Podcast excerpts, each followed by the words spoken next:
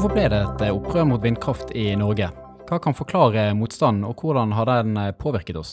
Dette er blant eh, spørsmålene journalist og forfatter Anders Totland tar opp i boken 'Vindmøllekampen historia om eit folkeopprør', som kommer i butikkene i disse dager. Velkommen, Anders. Tusen takk. Som jeg nevnte, så er du tidligere journalist først og fremst i avisa Sunnhordland. Du har jobba som kokk men har de siste årene først og fremst eh, vært forfatter der du har skrevet både sakprosa og skjønnlitteratur. Og det er vel riktig å si at dette er din første sakprosabok for eh, voksne? Ja, det vil jeg si. Det nærmeste jeg kommer tidligere, er når jeg ga ut ei kokebok i 2017. Så jeg får ikke bli sånn sakprosadebutant. Men sånn i, i sjangeren um, debattbok, sakprosa for voksne Jeg liker jo å kalle det en dokumentar, da, for da føler jeg meg som en seriøs journalist. Så er det den første. Vi skal snakke mer om eh, innholdet i boken, selvfølgelig. Men aller først, hva var det som fikk deg til å gå i gang med dette prosjektet? Jeg hadde ikke noe forhold til vindkraft for to år siden. Og jeg var på ingen måte noen motstander. Eh, og det viser jo litt godt igjen, da, for jeg var på en, en skoleturné i eh, Hitra Frøya våren 2019 når, når liksom alt sto på rundt uh, vindkraftdebatten og den begynte å blusse opp. Og jeg fikk ikke med meg ett ord om vindkraftdebatt de to ukene jeg var der. Det var ingen som jeg fikk med meg som snakket om det. og det var jeg plukka det ikke opp i det hele tatt. Det var ikke noe Jeg kunne, altså jeg kunne ikke interessert meg mindre, nesten. Men utover sommeren og høsten så var det en slags bevegelse da, i folk rundt meg der jeg bor. Jeg bor jo da i Kvinnherad, midt på Vestlandet, som er i et av de utpekte områdene i nasjonal ramme, som er jo en del av grunnen for at den, den fikk motivert det engasjementet lokalt der. da. Men jeg så alle disse folka som begynte å dele bekymringer, eh, direkte frykt, på Facebook og rundt omkring.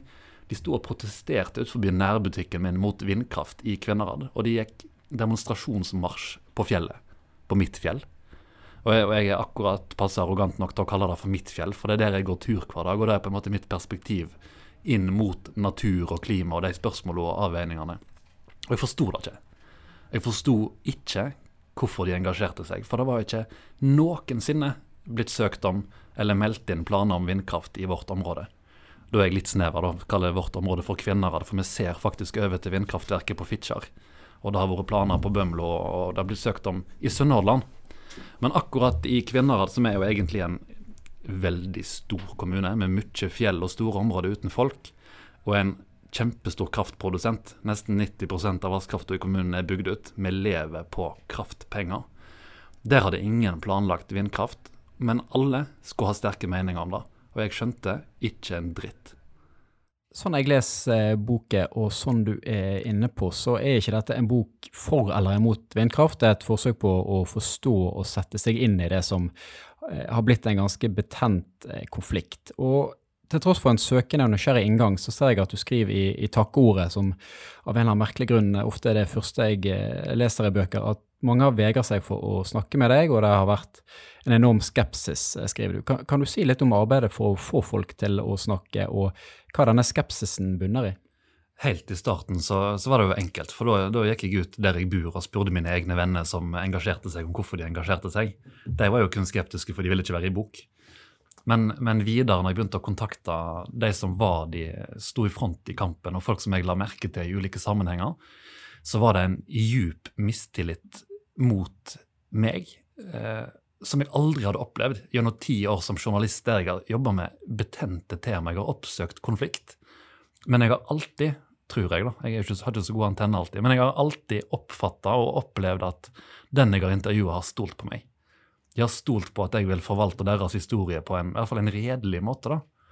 Og politikere, næringslivsfolk, rusmisbrukere, de har, de har fortalt og de har åpna seg og stolt på at om de ikke liker det jeg skriver, så er det iallfall sant. Eller iallfall mitt ærlige forsøk på å fortelle noe sant. da. For første gang så møtte jeg folk som ikke trodde på meg. Og, og, det er jo mer sånn på min egen stolthet, og jeg må tenke liksom, hvorfor, hvorfor, hvorfor stoler de ikke på meg? Har jeg på meg feil skjorte? Burde jeg gått med tursko i dag?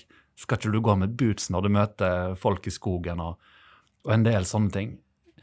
Og, men, og jeg tenkte kanskje at ja, jeg er jo Hvis de googler meg, så finner de at jeg er forfatter. Jeg har skrevet romaner og vært i sommer i P2, liksom. Det er kulturelite hele veien.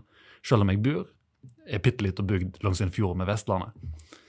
Men, men det var ikke god nok forklaring, for at de vindkraftselskapene som skulle jo kanskje tenkt at da er på samme side av samfunnet som meg, der var de enda mer skeptiske. De trodde i alle fall at jeg skulle framstille de uredelig. Eller kanskje bare de tenkte at all PR er dårlig PR, uansett hvor direkte de blir sitert og hvordan de blir framstilt. Så på alle sider av dette bordet her, så møtte jeg folk som trodde eller tenkte eller mente at mitt prosjekt ville skade dem. Men, men samtidig, eh, som også står i den eh, takkeordet, da, at den summen av åpenhet er jo det som har gjort at jeg kunne skrive boka. For det er ikke så mange som faktisk har nekta å møte meg når jeg har spurt. Jeg har bare måttet sagt at eh, jeg er villig til å møte deg uten å vite om jeg får noe ting ut av det. Og du kan få si etter møtet vårt om jeg får lov til å bruke det opptaket jeg har gjort. Og så har jeg en litt eh, oppblåst, eh, litt oppblåst ego. Så da, gjør jeg ganske ofte og sier at eh, nå bruker jeg flere dager på dette. Jeg reiser langt med fly for å møte deg, og du får bestemme etterpå om jeg skal kaste alt sammen. For jeg er helt overbevist om at jeg skal få de til å stole på meg mens jeg er der. Og det har lykkes alle ganger.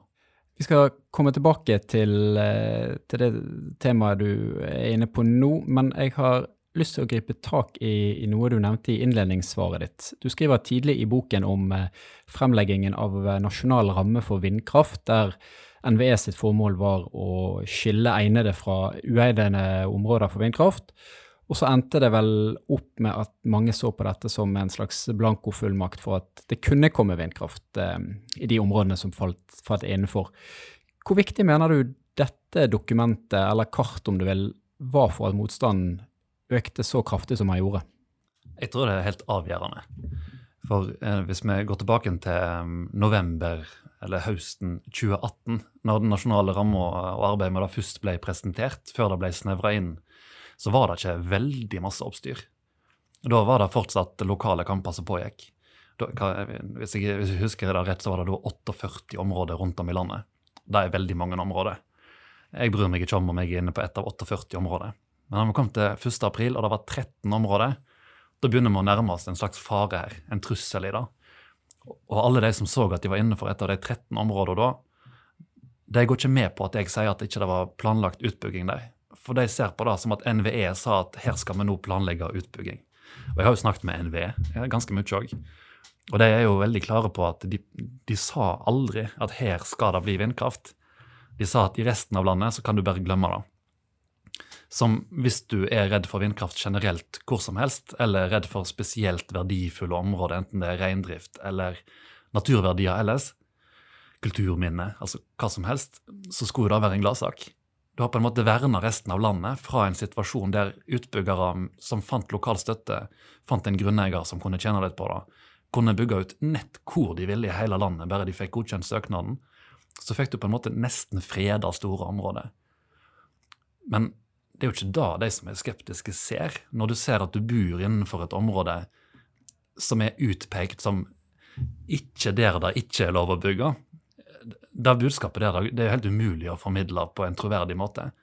Vi som bodde der, er ikke jeg da, for jeg brydde meg ikke på det tidspunktet, men de folka rundt meg som fulgte med, de hørte jo og så jo at de hadde plotta ut våre beste turområder til vindkraftutbygging. Og, og jeg tror jo For, for vindkraftmotstanden er jo ikke ny. Eh, at vindkraftmotstanden får nasjonal oppmerksomhet, det er ganske nødt. Men det har jo vært motstand mot alle utbygginger overalt. Altså Selv der det er overveldende lokalpolitisk flertall, så har jo noen vært imot. Men de har kanskje ikke vært imot før de har sett anleggsmaskinene. Eller før de har forstått at nå blir det faktisk gjennomført. Du ser grus. Vi må nesten ha trigger-warning hvis vi viser bilder av grus i dag, for at det er blitt et tegn på, på nedbygging av natur. Når jeg vokste opp, så var det et tegn på utvikling. Og ved å bli plassert inn i dette kartet, som, så tror jeg mange fikk en følelse av at det, nå er gravemaskinene på vei. Vi kan ikke se dem, men vi har sett hvordan de er andre plasser de er på vei. For samtidig så var jo dette dramaet på Frøya i fullt eh, blomst. Så vi så da samtidig som dette skjedde. Og for folk som ser på nyhetene, et stoffområde som aldri har vært på nyhetene før i særlig grad, i dag etter dag at her bitter de seg fast på Frøya. Her er det storpolitikk i spill. Her er det tyske ambassadører som blander seg inn. Det er to forskjellige norske ministre. Og forresten, i ditt område, der skal det kanskje bygges vindkraft. Jeg skjønner jo at uh, det var en samlende kraft. Du nevner uh, Frøya og tyske ambassadører. Et moment som har gått igjen i, i debatten, kanskje først i, i, kommentarfelt på Facebook og sosiale medier, men òg i, i, media i, større grad, og TV 2 har hatt reportasje om andelen vindkraft som er eid av utenlandske selskap. Og Frøya er jo en av de vindparkene der Stadtverket München kom inn som eier et stykke ut i prosessen, noe som har, har ført til at man, man trekker paralleller til andre verdenskrig. Men jeg leser deg som at du kanskje ikke er like overbevist om at denne geografiske dimensjonen har vært avgjørende? Jeg tror absolutt at eierskap har noe å si for deler av de som engasjerer seg. For, for en, kan jo, en, kan jo, lett trekke inn både EU og EØS og alle mulige slags debatter inn i dette her. Skriver du ordet ACER inne på ei gruppe som diskuterer vindkraft, så har du det gående. Men, men jeg tror ikke det er det som mobiliserer store mengder nordmenn. Og, og, nå vet jeg jo at det er internasjonal forskning som jeg òg siterer i boka, som, som, viser at eierskap har mye å si. Og jeg tror nok at hvis det hadde vært offentlig eierskap i Norge på en sånn måte at alle kjente eierskap til det, de visste at det er vår verdiskapning, da tror jeg forskjellen hadde vært større. Men vi ser jo at eh, Og det er jo ikke bare det at Stadverket München kom inn i prosessen, de utløste bygginga i, flere store utbygginger i Trøndelag, der det ganske, ganske seint ble sagt at det kommer ikke til å skje. Men de kom med kapitalen, og da blir det investeringsvedtak. Så de er jo en direkte utløsende faktor for ganske store utbygginger som har blitt kontroversielle. Men nå sitter jo vi i et studio i Bergen, og litt nord for oss mot Sognefjorden så ligger det òg føre planer. Det, det, er jo ikke bygd noen verdens ting her rundt oss nå, men det er søkt om noen av Europas største prosjekt. Noe av det mest provoserende der er jo at det er kommuner og fylkeskommuner på Østlandet som eier det.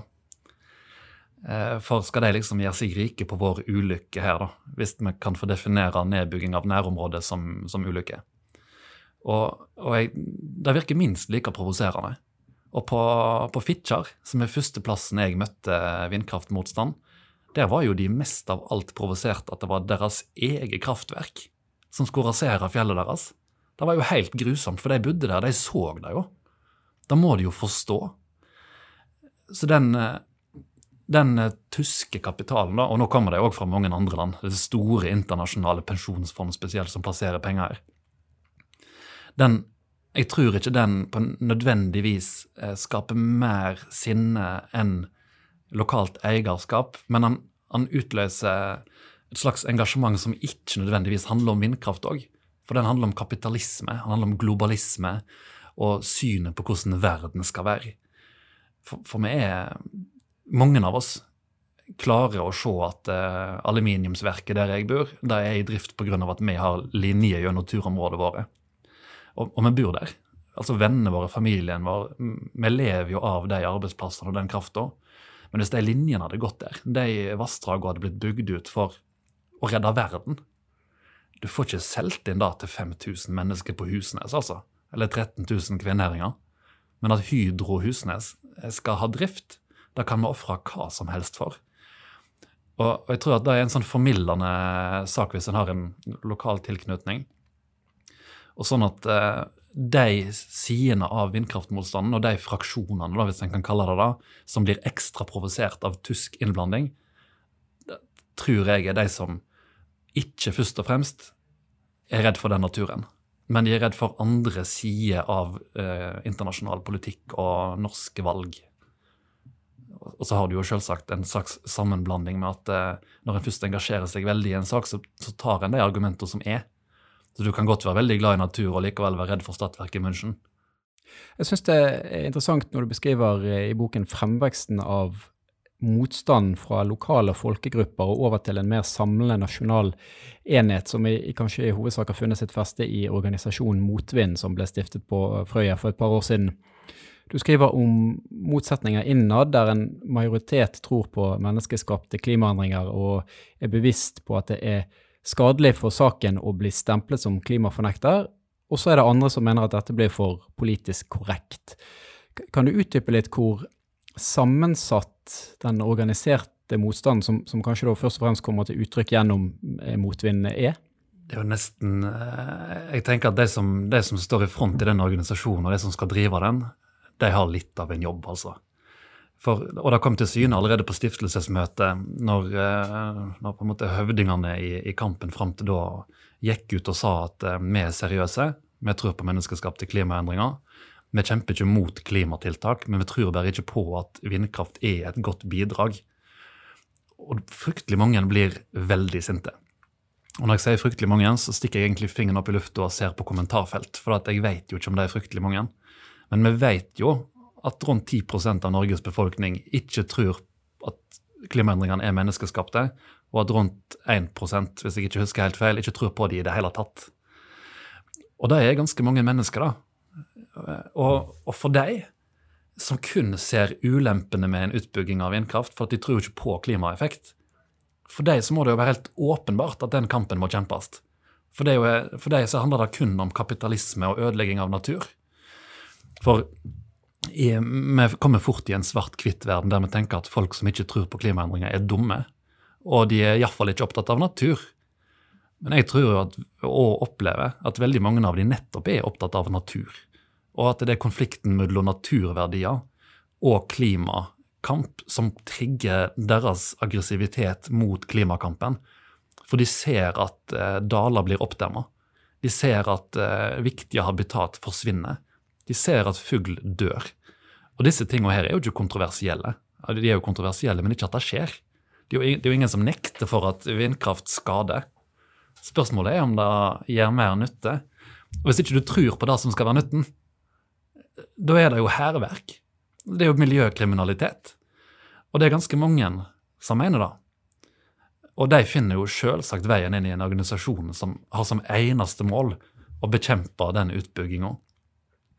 Hvis du da sitter i styret, hvis du da er leder, skal være frontfigur, du skal møte all kritikken som kommer i offentligheten, og du skal representere dem uten å støte dem fra deg, har du en vrien jobb, altså. Og vi ser det jo igjen og igjen. Og, og for oss som følger med på alle disse Facebook-gruppene som er, du kan jo tenke deg når, når eh, Klassekampen lager sak om hvor mange som er medlem i en Facebook-gruppe her og der, så utgjør jo jeg sikkert 40 av dem. For jeg er medlem i alle gruppene. For det er jo en måte å overvåke og følge med.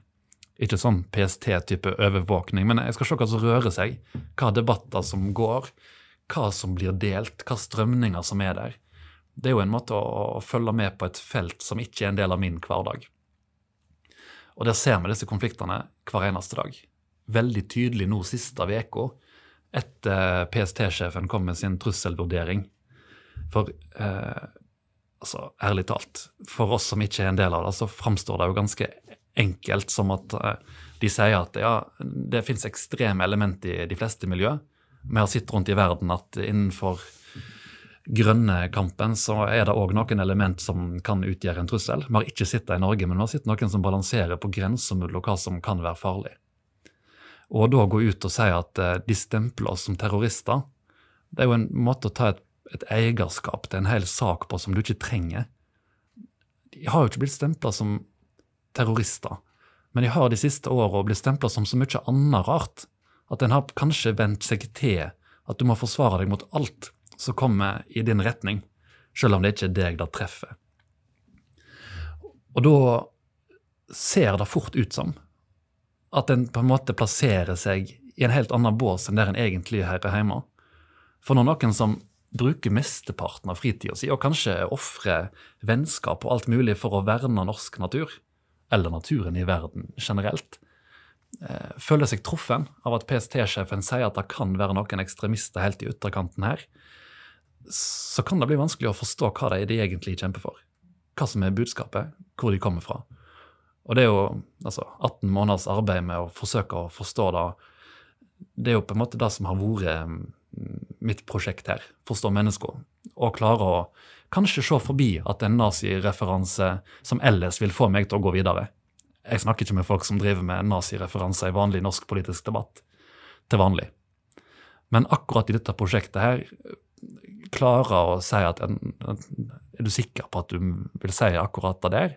Og hvis de sier ja, så vil jeg likevel høre på argumenter for avskriver folk som eh, mindre intelligente eller ikke verdt å lytte til, det tror jeg er en farlig vei for folk som ikke utøver ekstreme handlinger. da. Handler dette om en, en, mer generell skepsis til myndighetene? Du er jo litt inne på det at det man før har tatt for god fisk, eh, ting som blir fortalt, kanskje ser at i, i, noen tilfeller så stemmer det ikke helt, vi ble lovet noe, og det har blitt noe annet. Hva om det òg er sånn i, i andre spørsmål? Eh, og Der er jo ikke vindkraftmotstanden unik, men, men, er du urolig for, for den voksne skepsisen til, til styresmakter og, og vedtak? og, og hva de vedtakene er basert på? Ja, altså, jeg, det, er, det, er en grunn til bekymring der, tenker jeg. Og jeg, jeg har vokst opp i en, i en heim med, med, politikk. Og på en måte vokst opp som en del av etablissementet, med en mor som først var ordfører og deretter eh, statssekretær. Så jeg har på en måte blitt fostra opp på å stole på myndigheter, autoriteter. Eh, oppdratt til, og for så vidt når jeg studerte senere, til at den norske verdien som er aller mest verdt, ikke bare sånn i, i taler, men økonomisk òg, det er tillit. For at vi, vi, sparer så masse penger på ulike tiltak for at vi faktisk stoler på hverandre. Og så ser jeg jo, eller syns iallfall at jeg kan se, da, at hvis noen har en sak de er veldig engasjert i, det betyr mye for dem, både personlig, men òg de tenker sånn for verdens utvikling. Og så, og så, ser du at det blir sagt noe du opplever som usant. Og da, Du trenger ikke være konspiratorisk. Det kan være noe som er en generell vending som ikke stemmer der du bor. Hvis noen sier at ja, men det er ingen som får uh, vindkraft mot sin vilje i Norge, og så bor du akkurat den ene plassen der det er blitt bygd et vindkraftverk, uten lokal støtte. Eller en av de plassene der det er planlagt og har fått støtte av NVE fortsatt til klagebehandling, uten lokal oppslutning rundt akkurat da prosjektet. Jeg skjønner jo at når det i debatt etter debatt blir sagt av stortingsrepresentanter og regjering at det, men i Norge så bygger vi ikke vindkraftverk mot uh, folkets vilje. Det har nesten aldri skjedd. Så er det et ord der som er veldig lett å overhøre, og jeg overhørte det lenge. Men det nesten, det tror jeg er noe av det mest skadelige for tilliten i den saken her som har skjedd de siste åra. At en ikke bare rakrygga sa at eh, hvis vi syns det er god nok grunn, så bygger vi nett hvor vi vil. Eller lar folk bygge nett hvor vi vil. Derfor har vi den energilovgivningen vi har. For at dette skal vi kunne bestemme i Oslo. Og så er det jo veldig vanskelig å forsvare det, for de gangene det har skjedd, så har det jo ikke vært nasjonal forsyningssikkerhet som har vært grunnen. Det er jo bedriftsøkonomi. At det skal være synergieffekter som gjør at det skal være lønnsomt å bygge det ut. Det er jo ikke at det ellers vil bli tomt for strøm rundt Tromsø, som gjorde at de fikk bygge på Kvaløya. Og, og da, da, skjønner jeg jo at en lar være å si det rakrygga. For at den, den, grunnen til at en kan gjøre det sånn, han henger ikke sammen, sånn jeg oppfatter det. Og sånn de som er kritiske til det, eh, generelt oppfatter det. Og, og jeg forstår at tilliten forsvinner når du hører ting som blir sagt som du vet ikke er sant. For det er sant nesten overalt. Men så lenge du òg vet at det har skjedd, og det er prosesser på gang der det fortsatt ligger an til å kunne skje, så kan du jo ikke stole på de som sier at dette her gjør vi ikke. Er det noe du før du begynte kanskje tenkte at det der høres helt crazy ut, det, det må være en konspirasjonsteori, men som du i løpet av arbeidet har, har funnet ut stemmer? Det nærmeste jeg kommer, er vel kanskje noe som NRK sin klimaredaksjon har jobba en del med i det siste. Om at det er de som skal bygge ut, som sjøl betaler, de som skal se om det er forsvarlig å bygge ut der. For, for det gjør det jo. Bestille konsulenter som skal gjøre utgreiingene. Og, og da, Jeg kunne kanskje ha gjetta meg til det, for jeg har jo som journalist skrevet om utbyggingssaker om konsulentselskap. Men når saken er så Og, og fram til 2019 så hadde det kanskje ikke vært så rart, for det var jo så bred politisk enighet om at en skulle se litt mellom fingrene med ting. For at målet var så viktig. Men når det har blitt en konfliktfull sak, da framstår jo det som pussig for oss som kommer utenfra. Og da, Det er jo en sånn ting som kan godt være noen sa til meg tidlig i prosessen at du vet at det, de har, konsulentrapporten er kjøpt og betalt. Og Det er jo et uttrykk som kanskje betyr noe litt annet, da. men de hadde faktisk betalt for han. Det er jo et veldig viktig poeng for meg når jeg skrev den boka, at jeg er ikke kjøpt og betalt. For det har jeg måttet svare for ofte. Jeg har fått penger av Fritt Ord og Norsk faglitterær forfatterforening, men ikke av vindkraftbransjen. Jeg har jo fått spørsmål om du skulle ikke skrive boka om motvind i stedet for det, for å fortelle deres historie som de ønsker. da. Eller Hvorfor ser du ikke på all driten vindkraftbransjen gjør, i stedet for å snuse på oss som bare er ærlige motstandere? Det er ikke det som er mitt prosjekt, da. Men ak akkurat det der med, med, hvem er det som betaler for det, det er jo ofte det som får oss til å uh, Det som gir noe med vårt blikk på det. Du kan jo tenke deg hvis Trønder Energi hadde bestilt den boka her. Ingen som hadde tatt innholdet på alvor, for det hadde vært et propagandaskrift. Men når Trønder Energi har betalt Multiconsult eller et eller annet firma for å sjekke om de kan få bygge noe i et område Uansett hvor ryddig dette foregår, uansett hvor uh, integritetsfulle de er på alle sider av bordet, så er det egnet til å skape mistanke. Og jeg trodde kanskje ikke på det helt i starten, at det faktisk var sånn. Men sånn er det jo.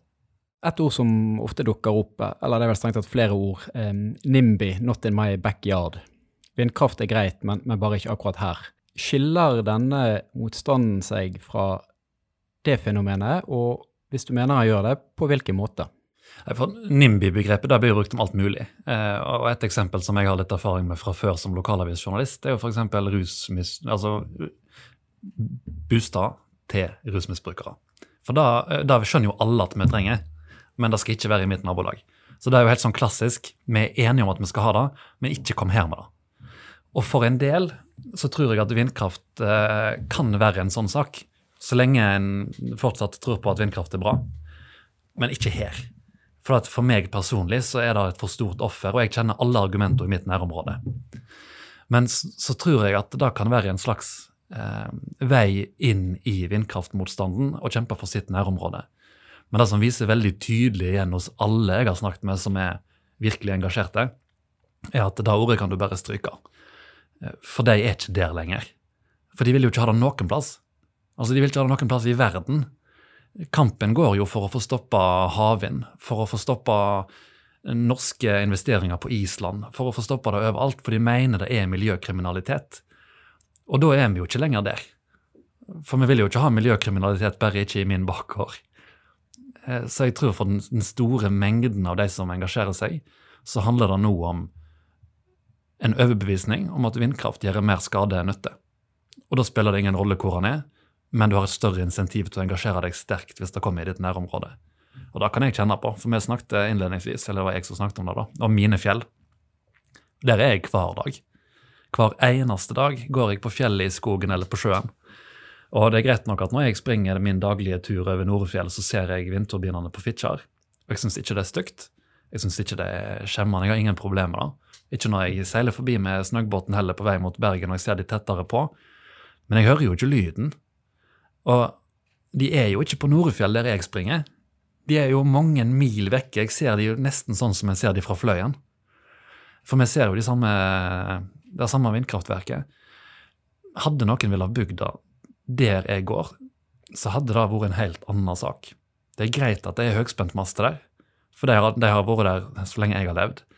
Og den knitringa Jeg hører arbeidsplass jeg, når det knitrer de høyspentlinjene. Jeg er jo ingen eh, gammel naturverner, selv om jeg er et slags naturmenneske. Men, men å, å, anlegge grusveier Det har vi jo til, nei, til vannkraftverk òg, men hele veien opp gjennom, fra turbin til turbin, og bygge ut et anlegg, det, det er store inngrep, uansett hvordan en ser på det. Jeg hadde nok ikke sittet stille og sett på at de fjellene rett bak der jeg bor, hadde blitt bygd ut. Jeg har lyst til å, å avslutte med å se litt fremover for både vindkraftindustrien og motstanden, men, men, før vi beveger oss så langt. Du begynte dette prosjektet fordi du ville forstå. Gjør du det nå? Jeg gjør egentlig det. Eh, I alle, fall, I alle fall nok til å møte det jeg snakker med, med forståing på en annen måte. Jeg kommer jo ikke helt inn i hva det er som trigger den enkelte, men jeg tror jeg har forstått eh, de litt sånne overordna strømmene. Litt rekkefølgen i ting. Hva som kan utløse den typen engasjement. Og ikke minst eh, ser i mye større grad argument, argumenter som blir brukt. Og har ingen problemer med å anerkjenne at mye av det er veldig gode argument. Da har jo heller ikke vindkraftbransjen noe problem med å anerkjenne. De mener bare at de likevel gjør nytte. Så det er i løpet, ja, Fra jeg begynte på sensommeren tidlig i høsten 2019 sånn, og jobba direkte med dette prosjektet, så har jeg nok eh, forandra syn på ganske mye. Og fått en veldig mye større forståelse for det som foregår eh, som for min del har den praktiske nytten at jeg tror at jeg kan fortere sortere i det jeg ser, når det dukker opp debatter eller tråder på internett eller kommentarfelt eller folk på TV eller hvor som helst. Jeg tror at jeg fortere enn dag tidligere kunne, kan sile liksom ut hva, hva er det som er på en måte raseriet her, hva er engasjementet, hvor kommer dette fra, og, og hva, hva vil de? Sånn eh, situasjonen virker på meg i dag, er det stor avstand mellom partene, industrien på den ene siden og motstanden på den andre. Er det et rom her der man kan nærme seg hverandre, f.eks. ved å, å, bygge vindkraft i, i, områder som allerede er industrialisert? Det er jo på en måte, For da er vi litt inne på, på å se framover. For de som er organiserte motstandere nå, de har jo en sånn absolutt holdning om at vindkraft er dårlig. De kjemper mot alt, uansett. Og da hjelper det ikke å si at her er det industri, for de, for de er imot. Altså, de mener at produksjonen av turbinblad i seg sjøl er miljø, miljøkriminalitet. Så, det, så, da kommer det jo Jeg ser ikke noen mulighet for at de skal være i en dialog med noe industri om hva en kan gjøre litt, for deres mandat er helt tydelig. De er imot. Samtidig så Vi var litt innom på alle fraksjonene. Og det er jo ikke tydelige fraksjoner, sånn som du gjerne har i andre sammenhenger, men du har folk som er opptatt av ulike ting, som har gått inn i en slags allianse her. Og det er jo klart, når vi så i, i høst at alle de lokalpolitikerne og ordførerne som har kjempa for lokal sjølråderett, når de er veldig langt på vei får gjennomslag på Stortinget, så detter jo de litt av kampen. For de har ikke kjempa mot vindkraft. De har kjempa mot overstyring fra sentralt hold. Og tar du vekk overstyring fra sentralt hold, så er jo ikke de allierte lenger vektlegger du natur betydelig høyere enn en har gjort fram til nå, så forsvinner ganske mange av naturvernerne som er bekymra for klimaframtida. Så det er jo, eh, Splitt og hersk er jo kanskje et ord som er like feil som skyttergravskrig her. Men ved å, ved å fjerne ulike element av det som er helt berettiget kritikk mot, så vil en jo redusere alliansepartnere for de som kjemper imot. Og det som pågår akkurat nå, de siste ukene, der eh, endelig, vil kanskje noen si, har deler av industrien tatt eierskap til denne saka her. De står for det. De går ut og forklarer dette er grunnen. Det er ikke for moro sjøl. Det er ikke for investorer i München i hovedsak. Det er for din arbeidsplass. Så er det ganske mange, tror jeg, som vil kjøpe det òg. Og kanskje mer enn at det er ei utstrakt hånd og en dialog, eh, så kan summen av allierte som dette fra, da, av ulike grunner, kan være en, for å se det litt diplomatisk, stor utfordring for den organiserte motstanden. Jeg opplever at det var mer oppmerksomhet rundt vindkraft for ett år siden. Kanskje i forkant av, av noen av utbyggingene. Det var flere rettssaker der man har forsøkt å, å stoppe eh, byggingen. Nå er noen av de mest omtalte vindparkene, uten at vi har vært inne på, på de individuelle i særlig stor grad er bygget ut. Noen er underveis i arbeidet, andre står på trappene til å, til å, å, å begynne. Og det er relativt lite ny vindkraft som skal bygges de nærmeste årene. Jeg tenker opp mot stortingsvalget. så Rødt gikk ut og sa at de ville gjøre vindkraft til en av sine hovedsaker. Tror du vindkraft vil, vil bli et stort tema? Eh, som du var inne på, så har motstanderne langt på vei fått et gjennomslag på mange områder. Rammeplanen ble skrotet, det har vært en stortingsmelding hvor man fikk inn en del ny politikk, bl.a. at det eh, ikke kan gå for lang tid fra man får konsesjon til man må begynne å bygge. Eh, og du var inne på dette med den lokale sjølråderetten at vindkraft er lagt inn under plan- og bygningsloven, som ikke er en blankofullmakt til å si nei, men likevel gir en, en, større lokal råderett. Så I hvor stor grad tror du vindkraft vil være til stede i valgkampen? En viss plass eh, tenker jeg at det uansett kommer til å ha. For det har, det har allerede blitt en nasjonal sak eh, som, hvis vi er inne i liksom pressemåten å tenke på, genererer stor trafikk. For det er veldig mange som er veldig engasjerte. Men dramaturgien er litt vekke. Vindkraftmotstanderne hadde hatt så ekstremt mye å tjene på at det var stortingsvalg før jul. For nå er en ting at I 2019 så var det den nasjonale ramma fra 1.4 og utover, den ble jobba med, og den ble skrota, og da råda seg bitte litt. Og så var det den stortingsmeldinga som skulle komme, der det var hele tida noe framover. Og det var fristene som kom til å gå ut på de mest kontroversielle utbyggingene. Nå er jo de der. De holder på å bli reist. Det er veldig få som tror på at arbeidet kommer til å slutte der det allerede er bygging på gang. Eller at de som står der, skal bli tatt ned igjen som resultat av politiske vedtak. Så sånn dramaturgisk, og det er jo helt avgjørende for å få oppmerksomhet over tid, så klarer jeg ikke helt å se hva som skal holde trykket oppe nå. Og Jeg ser det jo òg igjen når, eh, når motstandere og motvind skriver sjøl om at det, nå er det viktig at vi fortsetter å være i pressa. Det trengte ikke de si i 2019 på høsten. De trengte å si det på våren, men ikke på høsten. Og starten av 2020 så trengte de heller ikke si det, for de var der. De ble oppringt. De, de fikk automatisk tilsvar på saker. Nå tar industrien eh, større plass. Samtidig så eh, betaler vi jo noen fryktelig høye strømregninger for tida. Og jeg tror at for den store opinionen som kanskje vipper mot et nei, eller vipper mot et ja, men ikke er veldig engasjert, så kan et, um, en kronikk om at strømmen blir billigere med mer vindkraft, da kan vippe, da.